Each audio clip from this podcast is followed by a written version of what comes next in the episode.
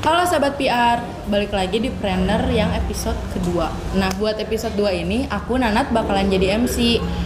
Mau lagi nih, takutnya sahabat PR pada lupa, Planner itu adalah podcast di mana kita membahas usaha-usaha yang dimiliki sama mahasiswa-mahasiswa PR. Gak cuma mahasiswa PR yang masih aktif aja, tapi alumni-alumni PR-nya juga. Jadi buat planner episode kedua ini yang bakalan nemenin aku ngobrol ada Kang Ojak namanya. Langsung aja kita panggil Kang Ojak.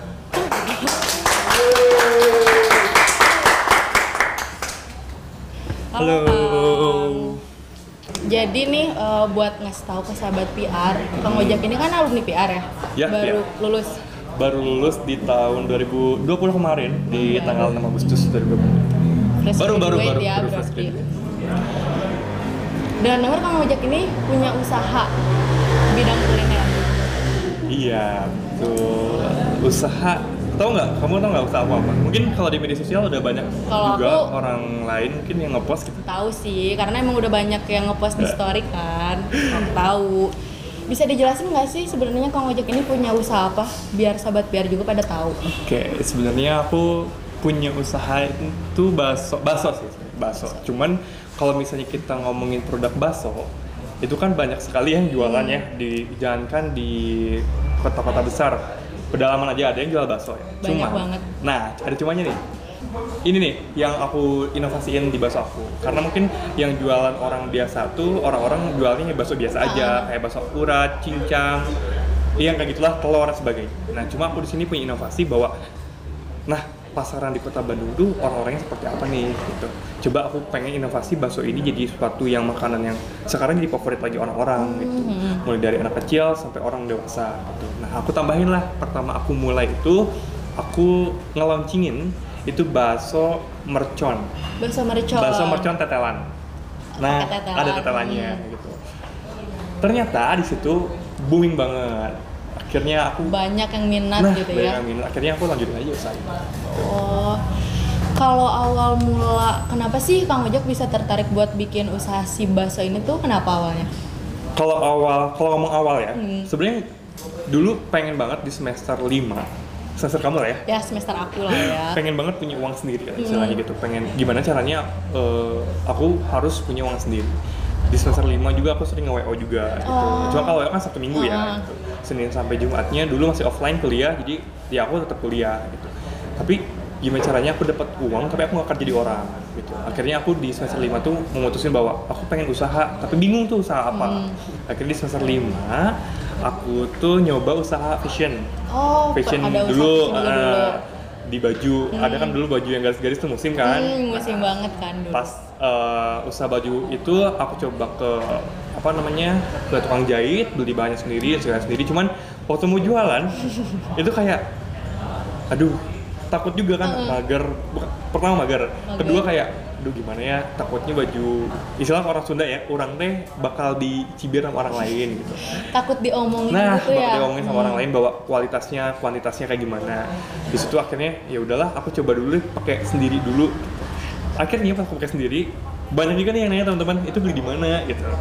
Di situ kayak, oh orang jualan, Hmm. tapi emang belum launching aslinya gimana kan kalau produk baju itu kan launchingnya harus mulai dari menentukan eh, bahan Iya. juga, terus juga selain bahan tuh kayak tukang jahitnya juga kan gitu dari Betul. biaya kosnya juga sampai ke modelnya nih Hmm. buat nanti di kita uh, di upload di medsos kayak gimana. Nah di situ kayak aduh pas udah ke bagian te- keempat yang upload ke medsos itu aku mager banget karena nyari modelnya itu kayak sebenarnya tahun aku banyak yang model, Hmm. cuma pas aku cari lagi kayak, duh ini yakin gak ya usaha ini gitu. Akhirnya ya udahlah uh, karena di situ kepotong sama skripsi, Hmm. akhirnya fokus dulu sama skripsi. Nah pas masuk ke bakso ini itu awal bulan Juni Bulan Juni Iya. tahun ini. Iya bulan Juni tahun ini. Jadi awalnya itu eh, harusnya aku tuh sidang di bulan Juni kan sidang skripsi. Cuman eh, nggak tahu kenapa ada beberapa hal yang diundur. Akhirnya aku nggak bisa sidang di Juni dan aku sidang di Juli. Nah di Juni itu kan ada space waktu yang mungkin kosong ya. Kalau aku tuh kalau aku orangnya kalau misalnya diem aku sakit. Oh iya, Iya kalau aku diem aku pasti sakit. seambis itu ya. Iya, mendingan aku gerak ke mana-mana, tapi aku nggak sakit gitu. gitu. Nah akhirnya di- aku memutusin bahwa duh jualan apa ya mah maksudnya aku ngomong sama mama kan Hmm. eh, pengen jualan makanan tapi takutnya malah capek gitu akhirnya ya udahlah mungkin usaha yang lain dulu gitu akhirnya mau jual makaroni tadinya kan cuman makaroni udah mainstream nggak sih di Oh, Ba- kota Bandung banget. juga udah banyak banget yang jualan Hmm. itu nah akhirnya aku di situ eh, saudara aku pertamanya minta review dulu soal dia tuh mau jual bakso Oh, dia minta saudara review. hmm, saudara aku ada ibu-ibu lah Hmm. gitu Eh, eh, apa namanya dia pengen review dulu bakso terus aku bilang gini bu kenapa baksonya dia kita buat yang lebih enak aja karena ini bakso yang luarnya udah udah enak gitu Hmm. apalagi kalau dalamnya kita inovasiin yang baru nih gitu. nah setelah itu aku inovasi gini bu anak-anak Bandung tuh kan yang eh, ibunya orang Jawa ya Hmm. terus saya yang manis aku bilang gini orang Bandung tuh sukanya yang pedes-pedes Iya. bener nggak orang Bandung tuh sukanya pedas-pedas terus kalau misalnya ngomongin soal tetelan tuh pasti bakal banget eh, yang apa nyedot lah gitu ya Oh, pasti. akhirnya gimana kalau kita buat si eh, bakso itu tambahin cabai yang banyak sama si eh, tetelannya gitu. Tapi aku coba dulu kan takutnya kalau orang yang nggak bisa ngolah tetelan itu bakal bau gitu. Nah akhirnya kita eksperimen dulu, udah eksperimen dan sebagainya, dan ternyata itu enak banget. Di situ kayak parah sih tetelannya, bener-bener tetelan gitu. Bu, prinsipnya gini sama yang buat. Bu kalau menurut aku eh, kita jualan jangan pedit sama si bumbunya. Karena ya itu awal mula kita mau jualan tuh ya kita harus berani dulu jor-joran dulu. Karena kenapa? Kita kan cari pasar dulu lah promosi dan sebagainya. Akhirnya di situ kayak ya udah ah, nggak apa-apa kok porsinya segini. Kita tulis tulis tulis tulis, tulis porsinya udah segitu. Akhirnya kayak bu insya Allah aku bakal jual dulu nih di uh, instastory. Itu apa tanggapan mereka dan sebagainya. Nah akhirnya aku cobain cobain cobain Eh, apa namanya belah lah ya si Iya. baksonya dan sebagainya kayak wah parah sih itu nyedot orang-orang buat kayak itu beli di mana beli di mana dan aku bilang aku jual dan di situ pun aku belum posisinya belum ada akun Instagramnya uh, officially dari si bakso Oh, ojek ini masih jualan di akun sendiri gitu ya? Hmm, masih jadi kayak antara DM pribadi sama DM jualan tuh nyampur di situ Oh. semua. akhirnya akhirnya di situ eh, karena rame ya, karena rame di hari pert- hari pertama jualan itu cuman aku dapat cuman ah juga 10 lah 10 bakso Hmm. 10 bakso akhirnya hari kedua aku jual sampai eh, 50 baksoan gitu. akhirnya selama sebulan aku totalin aku bisa sampai 1500 bakso Dalam sebulan? dalam sebulan ternyata PR. ternyata Gila, 1500 dalam bakso gitu dan aku tuh nggak kerasa gitu ngejualnya karena ternyata kan mungkin itu kan udah skripsi udah Hmm. jasa sebagainya aku kan di situ kan peluangnya maksudnya eh, free-nya lama akhirnya aku gimana caranya aku harus bisa eh, manage si bisnis ini gitu dan akhirnya di situ di bisnis itu aku eh, ah aku coba deh tekunin Hmm. sampai sejauh mana eh, apa namanya ini berlangsung karena kan kalau bisnis tuh harus benar-benar konsisten Iya, Terus yang kedua itu harus cari inovasi baru lagi.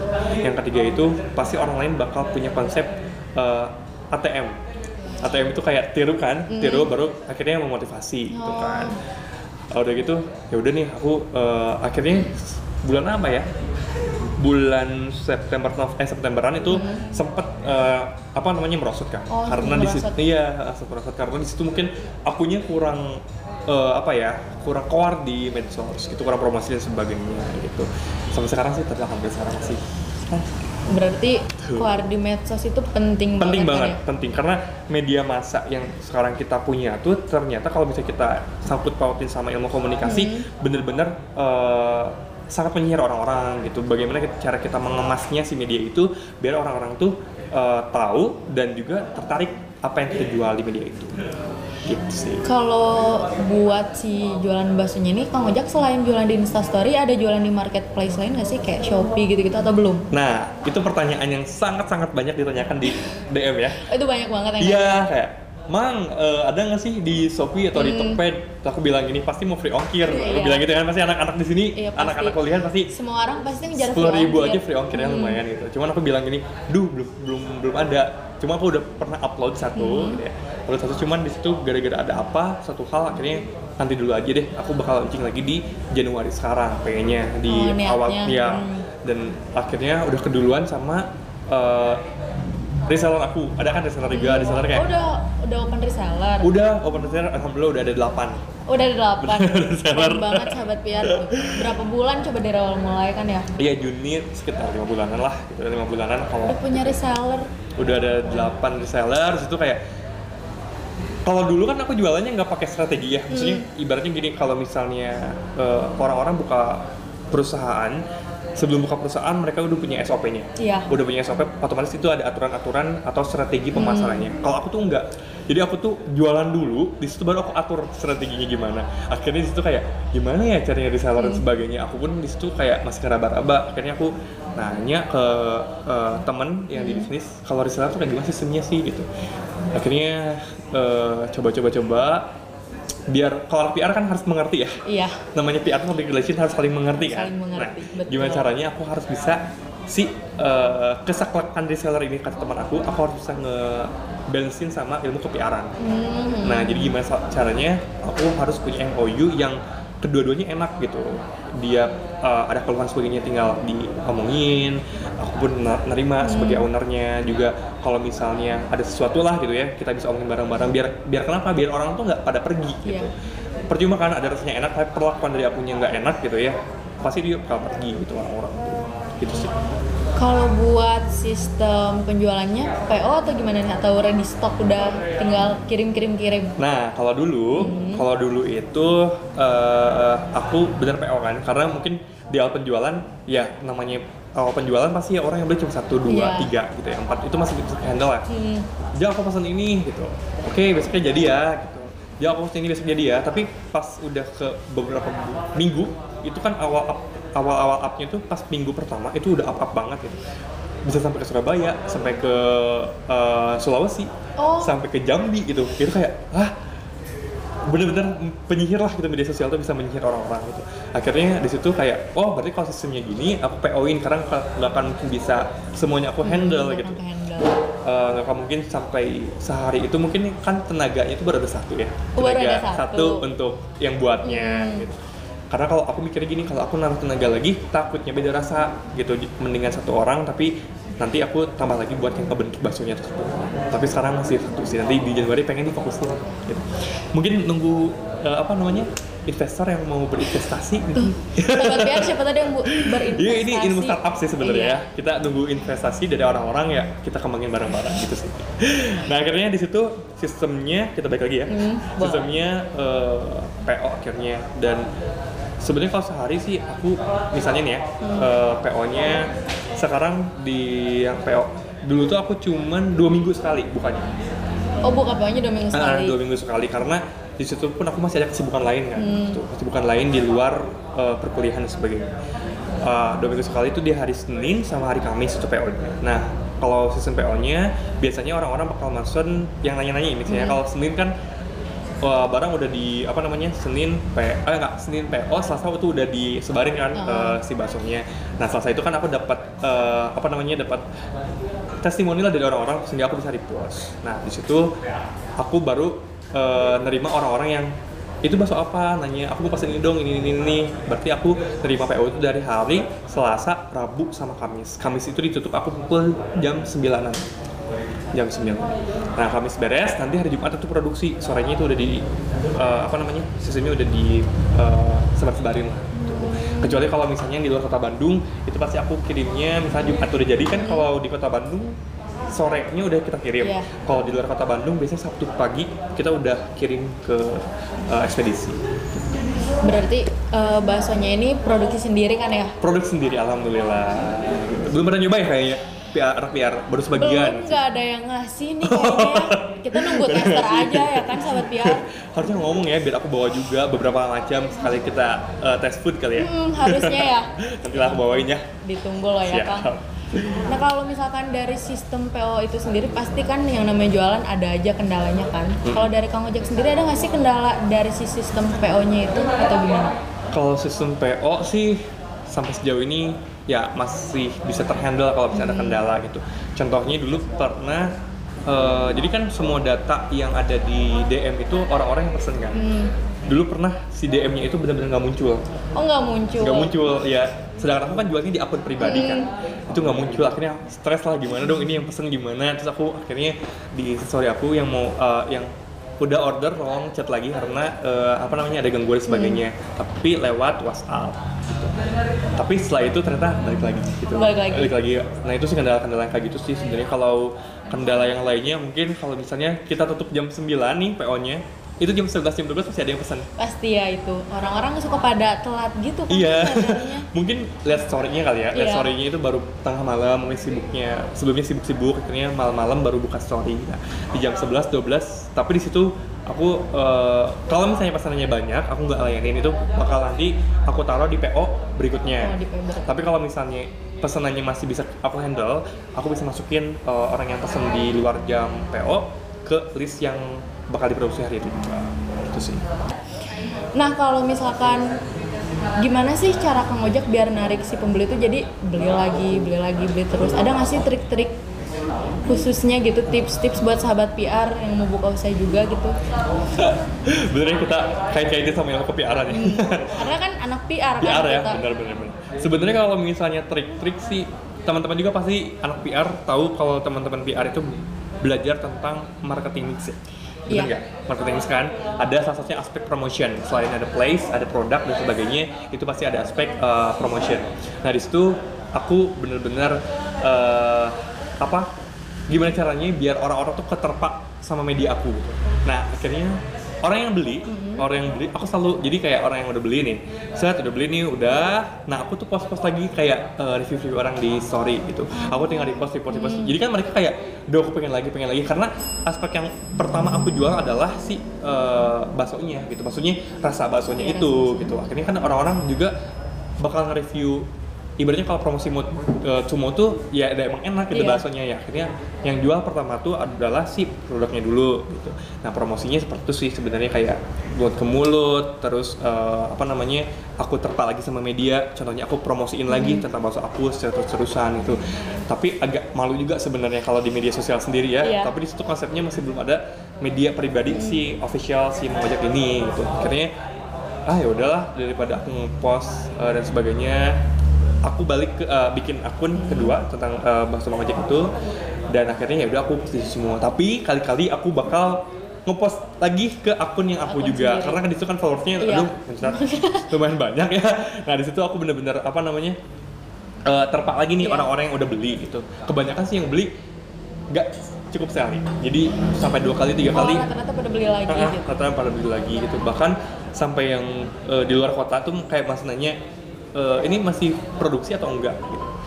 Aku bilangnya masih produksi masih karena mungkin sekarang masih akunya masih mau manage nih gimana caranya biar si bakso ini di tahun depan ini bisa jualan juga. Mudah-mudahan ada toko offline-nya. Gitu sih. Gitu sahabat PR jadi karena selama ini orang-orang tuh pasti mikirnya PR tuh cuma ngomong-ngomong padahal nggak Enggak. kayak gitu kan ya? Ternyata ilmu, ilmu kepiaran dengan ilmu marketing itu suatu apa ya suatu kesatuan sih Iya, sebenarnya berkesinambungan. berkesinambungan kalau misalnya kita belajar ilmu komunikasi teman-teman juga pasti belajar tentang psikologi komunikasi ya. Iya, bagaimana betul. kita bisa memahami orang. Nah di situ kita belajar kalau bagi kita sudah bisa memahami orang berarti kalau dalam jualan kita juga bisa memahami konsumen kita bener gak? Betul. Kalau misalnya konsumen kita ada apa-apa, kendala dan sebagainya, aku nggak marah nggak balik marah, tapi kan ada yang balik marah kayak, kan aku udah gini-gini. Iya, Itu tuh salah banget ilmunya. Kita bagaimana harus punya human relation sama si uh, konsumen kita gitu. Kalau misalnya ada kendala atau rasa nggak enak atau ada something di packagingnya, tinggal bilang aja nggak apa-apa, nanti kita ganti kok. Gitu. Itu nggak apa-apa. Aku selalu pernah kok aku ganti berapa puluh bakso ya. Eh, aku tuh kirim pernah 30 bakso. Nah, ada empat bakso yang si apa namanya bumbunya itu pecah gitu Oh, pecah. Akhirnya kan kayak, duh gimana ya? Maksudnya empat bakso kan lumayan lah gitu ya. Lumayan kalau gitu. ya. Akhirnya ya udah nggak apa-apa. Kan namanya kita narik konsumen dan juga konsumen itu kan nggak akan mungkin beli sekali kan. Jangan buat konsumen jadi kapok gitu. Akhirnya ya udah nggak apa-apa aku ganti aja. Nggak apa-apa aku ganti aja. Kalau di kos-kosin ya berkurang dikit nggak apa-apa lah gitu. Yang Nggak- penting konsumennya juga kan senang gitu, puas gitu. karena kalau misalkan kitanya juga kayak udahlah nggak usah mereka juga pasti bakal kapok ya Nah, kan? itu belum benar. lagi omongan-omongan netizen ntar ah, diomongin tuh. ke orang-orang Betul, bener. Karena mungkin ya kalau dari review orang-orang tuh kan aku mintanya review jujur. ya. Hmm, Eh, pengen review bakso ini, tapi pengen jujur. Pengen jujur. Jangan seolah-olah kamu nge-review tapi bakso ini tuh bakso yang nggak enak gitu kayak ibaratnya kayak hambar gitu. Iya. Terus ya ternyata reviewnya alhamdulillah kayak gila gila ini parah banget baksonya dan sebagainya dan menurut aku mungkin ya menurut aku tuh bakso yang aku jual tuh emang bener-bener bakso bakso sampai si apa ya namanya si luaran juga itu dagingnya kerasa Cuma ada mungkin kalau di luar di luar luar gitu ya yang aku rasa masih ada beberapa yang mungkin eh, kurang pas lah dan sebagainya itu sih itu kelebihannya. Dan sekarang ada ada sekitar 10 varian rasa Oh, yang sekarang aku ada jual. 10 varian rasa. Hmm, 10 varian rasa. Itu mulai dari uh, bakso yang pertama itu ada mercon cincang. Hmm. sampai aku kembangin lagi beranak cincang beranak tetelan dan sebagainya. Dan sekarang alhamdulillah. Ada itu 10 ada sekarang 10 ya. varian rasa Karena aku sendiri awal lihat usaha Kang Ojak tuh dari temen-temen aku yang pada beli pasti kan. Terus pasti langsung pada nge-review. Terus beneran emang kelihatannya tuh seenak itu, cuma belum sempat aja belinya. tapi kamu nanya nggak nge-reply temen kamu itu Aku bakso reply. bakso bakso di mana gitu Iya aku nge-reply beli di mana. Terus ini nih di cutting katanya kayak gitu kan. Terus Duh pengen beli tapi belum sempet aja. Nunggu dikasih nih aku. iya harus kamu bilang ayo dia harusnya dibilang ya kang ojek bawa bakso Iya, bawa lima, lima Iya tapi gini, aku udah sepuluh. aku udah stok buat aku sendiri ya. Iya. Stok buat aku sendiri ada 10 rasa di rumah. Karena Oh. gini, kalau misalnya aku udah beres kuliah, Hmm. eh, kan aku udah beres kuliah itu kan sore ya. Udah beres kuliah tuh pusing tuh otakan. Makan itu udah cenghar. Daripada Pasti. makan obat kan Hmm, bener nggak? betul. Aku makan bakso, udah makan bakso udah cenghar. Apalagi buatan sendiri ya kan. Tuh. Nah kalau misalkan apa ya anak-anak sumuran kita lah Hmm. kendala utamanya adalah gengsi ya nggak sih? Iya sih. Gengsi. Kalau Kang Ojek gimana sih caranya biar sahabat PR juga tahu biar ya udahlah nggak nggak usah gengsi. Karena buat apa juga nggak sih gengsi gitu? Ah. kita jualan juga buat diri kita gak ngerugin orang buat apa gengsi kan? Nah, kalau dari Kang Ojek sendiri gimana? Biar lawan gengsi ini itu. ini pertanyaan-pertanyaan kalau misalnya ibu-ibu rumah nanya, oh ibu-ibu rumah kan nanya kayak gini. tapi jualan bakso gitu ya. Banyak banget yang nanya. Seriusan? banget mulutnya seriusan? iya kayak oh nggak apa-apa selama aku halal Iya. mah gitu. Ngapain juga kan yang ngerugiin orang juga kan. Dan lagi aku percayanya bahwa bas bakso yang jual aku itu ya mungkin orang-orang bilangnya enak gitu kan. Itu sudah di riset kok. Udah udah banyak banget yang bilangnya enak gitu Udah ya. valid gitu udah ya. valid lah gitu ya. Eh, akhirnya aku mikir kayak gini di usia sekarang gitu ya di usia teman-teman di semester 5, 7 itu kan sebentar lagi teman-teman sudah ada di fase dewasa lah Iya. gitu. Fase dewasa gimana caranya teman-teman harus bisa putar balik otak ngasilin sesuatu gitu ya. Nah di zaman di zaman milenial ini sebenarnya seumuran kita itu masih mikir kayak pasti banyak banget di antara teman-teman yang mikir aduh kurang jualan naonnya Hmm. aku mau jualan apa ya? Aku bingung sebagainya. Terus yang kedua juga banyak yang bilang bahwa aduh gengsi ah jualan mah ya mendingan aku hedonisme Hmm. Iya. gitu ya aku mau ngopi di mana gitu ya jalan-jalan gitu ya. Nah sebenarnya kalau eh, lihat dari kegengsian tuh nggak akan bisa maju sih sebenarnya. Kalau dari lihat dari gengsi dan sebagainya. Aku pun mempersepsikan diri aku sendiri bahwa kalau misalnya aku nggak eh, punya penghasilan sendiri aku mau dari mana Hmm, bener nggak betul Terus di zaman yang sekarang inilah kita serba pengen ini, pengen itu, teknologi makin maju, pengen beli lagi. Iya. Ibaratnya sekarang ada event keluar 12 juga, dalam hati ya pengen juga Pengen, kita ya ganti, kan? bener nggak? Hmm, betul. Kita juga pengen ganti dan sebagainya. Nah, gimana caranya kita biar nggak eh, terus-terusan minta ke orang tua? Hmm, gitu. betul. Kita harus punya eh, plannya sendiri gitu. Kita lagi kuliah, kita lagi belajar, tapi kita juga bisa menghasilkan uang. Nah, caranya adalah yaitu gengsi itu harus dihilangin gitu. Sekarang kalau misalnya anak muda kalau untuk kategori gengsi udah nggak zaman sih. Iya. Karena sekarang orang-orang anak muda itu adalah anak-anak yang menguasai si teknologi, bener nggak? Segala eh, sentuhan penjualan itu sekarang nggak akan jauh dari media massa. Sekarang lihat kalau misalnya lihat commercial TV TV Hmm. di TV. Kalau misalnya orang-orang pintar strateginya, sekarang orang-orang yang punya produk itu lebih pengen produknya itu dipasarkan di media sosial, mau TikTok yang sekarang lagi up-upnya Iya, ya, banget. mau Twitter atau Instagram itu sebagai media yang siapa pun bisa menggunakan itu. Dan juga sekarang media TV TV itu malah nyomot dari media-media sosial. Iya, betul, ya betul. otomatis eh, apa ya otomatis eh, produk kita kan terjual juga. Hmm. di tanpa membayar si komersial dari televisi itu gitu. Kalau gengsi sih menurut aku untuk zaman sekarang tuh anak anak PR gitu ya itu nggak nggak nggak boleh punya uh, perasaan itu gitu. Jadi kita harus bisa menemukan diri kita bahwa kita ya untuk uh, your future uh, ke depannya ya kamu harus bisa manage kamu diri sendiri kamu juga harus punya sesuatu lah yang baru gitu. Dengan cara apa ya? Kamu kalau berusaha apa punya usaha dan sebagainya itu ya harus nggak usah gengsi lah gitu. Gengsi mah nomor sekian gitu ya. Betul. ada juga eh apa ya namanya itu ceweknya nggak malu gitu ya gitu. Iya. maksudnya eh, akangnya jualan bakso. Aku selalu bilang sih maksudnya ke eh, apa namanya ke pacar atau ke siapa lagi. Aku, maksudnya aku jualan pun aku punya inovasi sendiri gitu kan. Aku mau jualan apa jualan apa yang penting itu kan sesuatu yang halal yang bisa eh, mengeluarkan hasil lah gitu. Meskipun hasilnya adalah materi tapi kan tak dipungkiri bahwa manusia itu kan materi ya yang Iya, dibutuhkan ya. Kita pengen ini pengen itu mesti sama uang dulu. Nah itulah yang buat aku bisa nge, apa ngeretas bahwa aku nggak boleh gengsi. Sok jualan mah jualan aja ada apa ya yang kita ingin itu nggak akan mungkin orang lain ngasih. Harus kita usaha sendiri bener nggak? Betul. kayak gitu sih. Gitu. karena kalau kita lihat orang jualan juga kita nggak pernah kayak ih apa sih jualan? Nggak nggak selalu gitu Iya kan. betul. Nah dulu tuh kalau kalau di akun ya, di akun Instagram pribadi kayak, eh jualan jualan wae. Hmm. Nah setelah berkecimpung kayak, aduh ternyata bener sih. Apa? Jadi kita bisa lebih memahami orang lain sih. iya betul Punya eksperimen tersendiri. jadi kalau misalkan kita BM bakso bisa langsung datang kan ya ke tempat Iya bener. Betul. Itu apalagi kan dekat-dekat kampus ya pasti, uh, Oh. ya anak cewek. Biasanya anak cewek yang yang apa ya? Anak-anak cewek yang ngejar si bakso-bakso yang pedes gitu kan gitu. So, aku sendiri pun aku nggak kuat makan pedes kayak Oh gitu. iya? Serius aku nggak nggak kuat. Ya. Tapi kalau misalnya teman-teman nanti bikinnya di uh, sama tim kreatifnya bisa diedit lah ya. Hmm, bisa Nanti cantumin aja Instagram aku sama Oh, bisa. apa aja yang, Boleh. yang produk aku jual gitu. Kayak gitu. kalau aku lebih pengen nyobain bakso rendangnya ada kan ya bakso ada ada ada bakso rendang itu baru juga baru dibuat setelah orang-orang request bahwa eh ada inovasi lain dong bakso apa gitu aku pikirannya ya udah rendang daripada kita makan apa nasi padang terus kan ada rendangnya juga kan itu nasi plus rendang nah aku inovasiin di bakso adalah rendang Nah kalau dari Kang Ojak sendiri ada nggak sih pesan-pesan buat sahabat PR yang mau buka usaha, yang baru mau buka usaha gitu? Ada nggak sih pesan-pesannya kayak ini harus gini nih atau harus gitu nih gitu? Oke, kalau pesan-pesan sih eh, pertama ya, buku usaha itu sesuatu yang susah ya. Apalagi misalnya kalau kita belum ketemu benang merahnya apa, belum ketemu hilalnya lah ibaratnya apa yang kita jual tuh apa. Nah kalau misalnya teman-teman udah punya hilalnya dan sebagainya, somethingnya itu somethingnya itu yang harus teman-teman lakuin dengan sepenuh hati.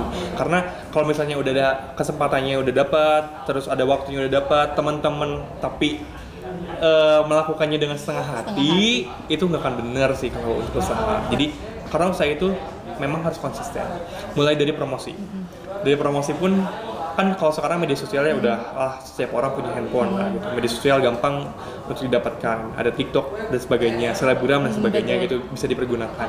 Apalagi kalau teman-teman eh, ranahnya orang-orang kayak apa ya ada artis selebgram dan sebagainya itu manfaatkanlah teman-teman. Kalau aku sih kalau di promosi gini ya eh, Jak orang pengen ini dong bakso ini. Nah ini kesempatan banget nih buat aku gimana caranya bakso aku biar kejual dan bisa dipasarin eh, di akunnya teman aku yang selebgram akhirnya sok gini weh kata kata mana nggak apa-apa beli baksonya nanti aku eh nanti uang ongkirnya sama aku ditanggung aku bilang gitu. Tapi promosiin di Instagram kamu gitu. Terus teman aku bilang oh yaudah nggak apa-apa lumayan tuh. 10.000 followers itu udah 10.000 mata yang bisa Lihat. lihat eh, si bakso aku. Hmm, bener nggak? sebenarnya kalau aku mikirnya gini seorang influencer itu nggak harus me, apa ya eh, mempunyai kehendak kamu harus beli beli gitu ya ke eh, apa ke halayaknya. Tapi di situ seenggaknya udah memperkenalkan produk aku pun itu udah rasa bersyukur bahwa bakalan visit ke akun aku atau bakal visit ke akun Instagramnya si bakso aku gitu. Itu udah hal-hal yang bener-bener apa namanya untung lah buat aku Iya. gitu. temen aku juga sama eh, dia itu artis artis artis Indonesia lah gitu dan nikah juga sama artis juga gitu kan. Itu peluang aku juga kan Iya, ketika dia nanya jak eta naon? Aku aku gi- eh, aku jualan ini le Eh, sok orang kirimnya barangnya tapi mana yang review? Dan nge-reviewnya kalau biasanya kan dia kalau nge-review produk itu satu bar story itu bisa sampai 2 juta 500 aku di storyin jam prime time di jam 6 sampai jam 8 itu ada 8 story. 8 story. itu berapa Ya, coba? Satu artis belum dua artis sama temennya, eh sama suaminya. Suaminya. Itu kan hal-hal yang lumayan ya. Iya, betul. Terus dipasarin kayak, kayak ah, itu untung tuh apa benefitnya kalau aku dapet lagi gitu. Jangan lebar sih sebenarnya kalau misalnya untuk usaha ya. Hmm. Kalau dari kuliner ya, jangan pernah lebar kalau soal bumbu, rasa dan sebagainya karena uh, di dunia kuliner itu hal yang harus diperhatikan adalah rasa dulu. Udah rasa uh, enak, pas, konsumen banyak yang suka kedua baru kita promosinya gimana caranya uh, strategi promosi kita gitu mulai dari advertising iklannya mungkin ada Google Ads kalau sekarang kan ada TikTok juga ada Instagram. Ya manfaatkanlah media-media itu meskipun kita nggak bisa komersil di televisi karena kan televisi sekarang ya menurun lah ya Iya. untuk angkat uh, orang yang melihat dan juga yang melihat mungkin nggak kaum kaum muda. Sedangkan aku segmentasinya adalah orang-orang yang muda gitu ya orang-orang yang masih ya salah sini gitu kan nah itu itu sih segmentasinya harus tentu dulu gitu sih. terus jangan malas intinya jangan malas bangun pagi itu Oh, itu Nah, ngaruh ya bang? ngaruh Pagi? banget seriusan ngaruh banget untung gini meskipun aku orangnya eh, misalnya nih ya aku Hmm. tidur untungnya aku teratur nih jadi jam 8 jam udah isya tuh jam 8 9 tuh aku udah udah udah berat mata Oh, nggak, bukan tipe orang begadang. bukan jadi jam 8 jam 9 tuh aku udah berat mata jadi kayak udah ya udah udah saat isya. Hmm. nggak ada ganggu lagi aku tidur. Aku tidur nanti di jam 3 biasanya tuh udah bangun. Jam 3 30 tuh udah udah alarm sama aku udah bersama sama melek gitu. Nah jam 3.30 ya kalau misalnya teman-teman eh, mungkin anak PR di sini kan Islam ya Iya. jadi bisa sholat dikit dulu gitu. Nah, nanti di subuh jangan tidur lagi nih udah subuh. Eh, baru hitung nih pemasukannya berapa terus eh, apa pengeluarannya berapa. Dari situ kita harus tahu nih keuntungan yang kita dapat tuh berapa dalam satu uh, minggunya kalau satu minggu ya. Kalau bisa teman-teman di per hari satu hari berapa nih keuntungannya keuntungan keuntungan sampai totalnya seminggu berapa? Nah di situ keuntungan kita. Nah uangnya juga jangan habis. Jadi kalau misalnya udah dapat income-nya seminggu Hmm. berapa persennya buat jajan buat nongki lah ya istilahnya nongki. Berapa persennya lagi kita harus sambungin? Takutnya ada hal-hal yang mungkin kayak tadi uh, misalnya baksonya itu uh, nggak enak atau basi atau ada yang pecah gitu ya nah itu masih bisa kita handle di uh, uang yang kita tabung itu. Berarti emang harus teratur gitu betul ya? lah teratur juga. Karena itu yang bangun relasi itu kayak gitu. Maksudnya kayak kita ngerti konsumen konsumen ngerti kita terus kitanya juga uh, kalau ada suatu kesalahan kita mengakui Hmm. ya itu yang bakal terus panjang bisnisnya Oh, soal males-malesan nih karena umuran kita pasti udahlah males-malesan kan. Kalau tadi dari yang Kang Ojek bilang pagi-pagi tuh udah mulai ngatur pengeluaran, Hmm, pemasukan kayak gitu. Berarti dimulai dari pagi-pagi, sepagi itu. tergantung orangnya sebenarnya Iya. kalau tapi aku kan orangnya morning person ya jadi pengen apa ya dia pengen nuntasin sesuatu itu sebelum jam 10 Iya. gitu. Jadi eh, oh kalau misalnya soal bisnis aku eh, timingnya itu dari pagi sampai jam 10 jadi situ pengen beres aja semuanya apa pun yang tentang perbisnisan. Jam 10 sampai jam 2an itu aku pasti eh, apa namanya eh, ngerjain tugas kalau misalnya tugas sebagainya aku kerja di situ jam 2 sampai jam situ biasanya teman-teman kalau ajak kongkow aku pun nggak punya beban apa pun kan aku bisa kongkow dulu sampai malam sahabat biar beneran harus teratur itu ya kan. Teratur itu Jadwal terus teratur itu karena pagi-pagi nih udah bangun. Aduh mau nulis pemasukan ntar aja lah pasti kayak gitu nah, nggak itu sih? itu nggak boleh sih Itu nggak boleh banget kan ya? apalagi ibaratnya gini ya kalau misalnya teman-teman yang punya usahanya Hmm. sendiri dulu mau nge-startup punya sendiri dan sebagainya ya teman-teman harus mulai teman-teman sendiri gitu. Gimana caranya teman-teman mau ngatur nanti staff-staff yang baru? Kalau misalnya teman-teman sendiri pun itu nggak bisa ngatur diri teman-teman. kayak gitu sih. Nah itu makanya kita harus bisa ngatur dulu soal lima waktunya. Dari lima waktu baru kita bisa ngatur sendiri. Betul. gitu. lebih enak sih. Lebih tek tek tek tek, justru itu nih aku kan orangnya kalau aku diem aku sakit. Heeh. mendingan aku ke mana-mana tapi aku nggak sakit. Jadi sabtu minggu pun aku kayak nih kalau misalnya sabtu minggu aku lagi uh, ada acara gitu ya ngelewat dan sebagainya ya aku minta orang rumah yang handle gitu. kayak tolong dong uh, kalau bisa ada ini ini ini nih tolong uh, kasihin barangnya ataupun misalnya kalau konsumennya minta diantar jam segini ya nanti hubungin konsumennya kayak gitu sih minta ke adik kalau kalau adik ya adik sih yang selalu Berarti komunikasi ke orang terdekat juga penting lah ya. penting banget Penting. apalagi ya kalau misalnya usahanya sama keluarga Ah. gitu ya maksudnya melibatkan keluarga ya itu komunikasinya itu yang harus penting dijaga. Karena banyak juga orang pembisnis pembisnis dari salah ucap aja bisa bubar semuanya benar Iya betul. nah itu kita harus jaga komunikasi kita sama orang-orang. Terus nih kalau misalkan karena rata-rata orang kalau misalkan lagi ngedrop si bisnisnya suka kayak ah udahlah nggak usah dilanjut males. Kamu aja pasti pernah kan ngalamin gimana sih usahanya itu lagi ngedrop. Pernah banget pernah. terus gimana cara ngatasinnya biar kayak ya udah emang namanya usaha pasti ada jatuh bangunnya dong gimana sih cara biar kayak "Ya udah deh harus tetap ya udah jalan aja gitu nggak usah jadi nggak mikir kalau usaha kita lagi jatuh itu akhir gitu suka banyak yang gitu kan Iya benar "Wah, benar. Kalau udah udah doang." udah gitu ya udahan. Sebenarnya kalau aku mikir lagi eh, ini tuh tantangan sih. Tantangan kalau buat aku sendiri itu gimana caranya biar si usaha itu nggak mati. Karena aku gini orangnya tuh apa ya kayak nettingan ke orang lain. Bukan artinya gini, nettingan dalam usaha tuh kayak sojak tulisan kita tahu usaha anak soalnya nggak apa apa di story. Iya, Padahal gitu kan. iya kan. Hmm. Padahal di luar itu aku menyiapkan bahwa di tahun depan aku bakal nyiapin ini ini ini ini ini gitu. Nah kalau misalnya aku jatuh, eh, aku mikir gini capek ngedirin usaha ini bener nggak? Kalau misalnya aku nggak lanjut lagi ya susah gitu. Eh, terus juga ini peluangnya udah gede. Di Bandung pun ini belum ada yang kayak gini gitu. Nah aku selalu balik ke situ sih gitu. Terus ya mau kalau sekarang sih aku mikirnya gini. Aku lihat beberapa teman-teman yang udah kerja dan sebagainya ternyata sejak aku mau dan sebagainya oh ternyata aku belum aku yang belum kerja itu lebih enak usaha lebih enak Pertama- ke saya Betul, karena pertama gini, waktunya fleksibel, bener nggak? betul. Kapan pun kamu mau ngerjain usaha itu ya udah, kamu buka usaha, kamu punya uang. Kamu nggak mau buka usaha, kamu nggak punya uang. iya betul Bener nggak? Betul. Kalau yang kerja nggak bisa gitu. ya kamu kamu kerja ya kerjanya selamanya, Iya, bener. bener nggak sih? Ya kalau kamu nggak kerja ya kamu diputus kontraknya, kamu nggak dapat uang, bener nggak? Tapi kalau usaha tuh nggak, kita udah punya rahasianya, bumbu dapurnya. Kita mau buka ya kita buka. Kalau misalnya kita kalau buka kita punya uang, kalau nggak buka ya ya ya kita mengharap dulu lah gitu. Gitu sih itu kayak wah aku sayang banget sama usaha aku sendiri jadi pengen banget diseriusin di tahun depan eh, dan ternyata fleksibel juga ketika orang lain butuh aku eh, apa ya tentang ya adalah kayak PR konsultan gitu aku bisa ngebantu juga gitu kan lumayan juga kan gajinya terus juga ada WA juga bisa terus aku kuliah juga nggak keteteran tugas juga masih aman itu sih itu untungnya buat aku untungnya usaha daripada kerja Nah, sama orang lain betul. kan. Nah, sahabat PR, takutnya ada yang belum tahu nih Kang Ojak juga selain alumni PR, terus punya usaha, Kang Ojak juga ngojang jejak ya? ya Sama Aslep juga ada unisbanya. Nah, dari Kang Ojak yang jajakan nih gitu, Aslep siapa sih yang nggak tahu gitu kan? Ngaruh nggak sih ke usaha yang Ojak rintis gitu? Eh, sebenarnya kalau misalnya ngomong soal poin personal branding aku Hmm. itu juga bakal ngaruh ke si yang aku lakuin di bisnis aku sendiri gitu. dengan apa ternyata dengan aku berjualan tersebut tuh orang-orang tuh kayak ya bakal tahu bahwa yang jualannya adalah ya Kang Ojak Iya. gitu.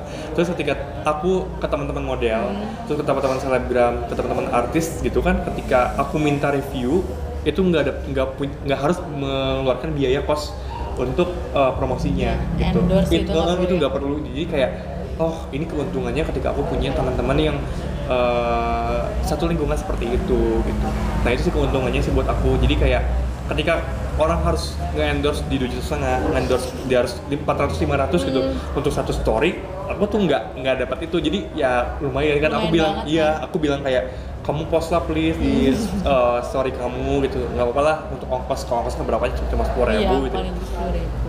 tapi aku dapat income-nya lebih juga dari mereka biar orang-orang tuh hal like juga pada tahu kan aku, aku jual apa kayak gitu itu sih keuntungannya gitu terus banyak juga ngomong bahwa dan gitu ya macam jajakan macam jajakan terus kayak eh, apa ya punya personal branding yang bagus tapi ya kamu jualannya jualan bakso. Kenapa nggak jualan yang lain sih sebenarnya gitu ya? Jualan yang lebih yang lebih bagus lah gitu daripada bakso. Mungkin kalau bakso kan kita ranahnya mungkin ya kalau orang-orang mindsetnya gitu villager. So jadi Iya. kayak ya ngerti ya Betul. gitu ya. Something lah kayak gitu ya. Tapi aku bilang gini ya nggak apa-apa aku kemasnya ini kemas uh, secara modern kemas secara uh, unik biar penikmat bakso pun juga yang ngerasain hal yang sama gitu. Nggak nggak mesti kok bakso itu dianggapnya bakso-bakso yang seperti villager itu gitu. Coba kalau kita kemasnya uh, seperti sekarang gitu. Kemasnya bagus rapi terus ya unik gitu. Terus rasanya juga masuk ke lidahnya konsumen ya kenapa enggak gitu. Itu sih aku yang aku malah sekarang usaha fashionnya aku berhentiin dulu Oh berhenti dulu Nah, usaha ke fashionnya. dulu aja dulu lah, satu-satu dulu Fokus lah. ke bakso.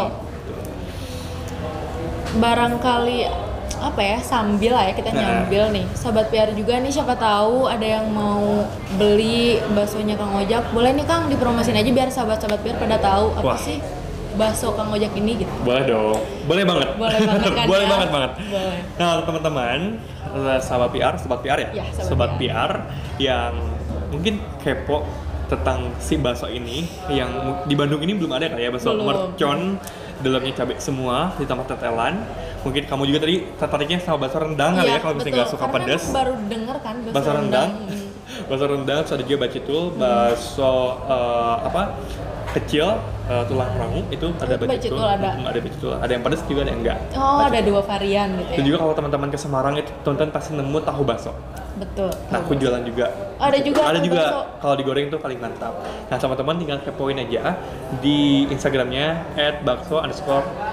Di situ teman-teman ada beberapa varian rasanya. Kalau misalnya teman-teman mau pesan, tinggal DM aja ke situ. Nanti bakal adminnya balas. Dan adminnya aku sendiri kok. Oh, adminnya kamu Iya. cek sendiri tuh, langsung dibalas sama yang punyanya. Bayangin. Nih, eh, aku kalau boleh nanya berapa Hmm. sih price list baksonya biar sahabat Perigo pada punya gambaran. Price-nya itu mulai dari 15.000 sampai 28.000. Tergantung varian tergantung varian rasanya. Biasanya kalau teman-teman belinya yang uh, beranak gitu ya, yang gede gitu, itu kalau untuk cewek itu bisa buat bertiga. rasanya. Bisa buat bertiga. Dua puluh ribu bagi tiga berapa? Ya tinggal aja itu ya. Lumayan kan gitu, bisa bareng-bareng. Buat aku kayaknya buat sendiri abis deh kalau. Oh, oh ya, iya itu beda lagi cerita. Beda lagi ya. beda lagi cerita. Gitu. Oh iya ada juga hal unik sih sebenarnya. Jadi kalau misalnya tadi balik lagi ke aku seorang ya menjaga gitu gitulah Hmm. pokoknya ya gitu.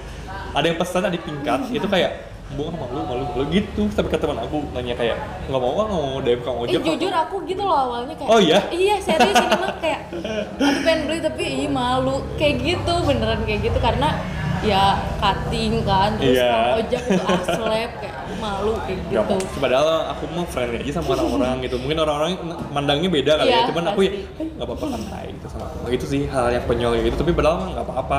Makanya aku buat tuh Instagramnya. Jadi ya kan itu kalau admin kan transparan ya siapa Iya. yang rahasia lah gitu siapa yang eh, jadi adminnya kayak gitu sih.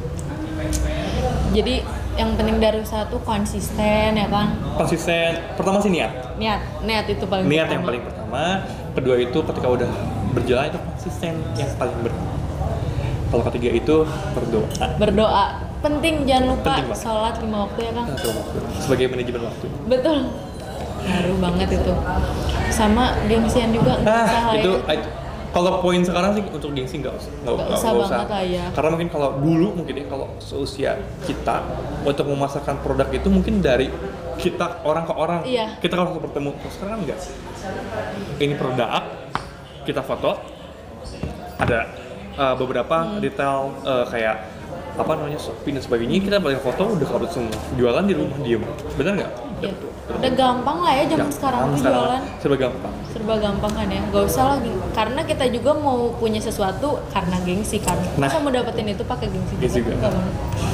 Makasih Kang Ujak ya udah berbagi ilmu sama sahabat-sahabat PR udah ngasih informasi juga. Kalau PR tuh sebenarnya nggak cuma ngomong doang enggak Nggak. kayak gitu kan. Marketingnya juga dapet banget lah ada.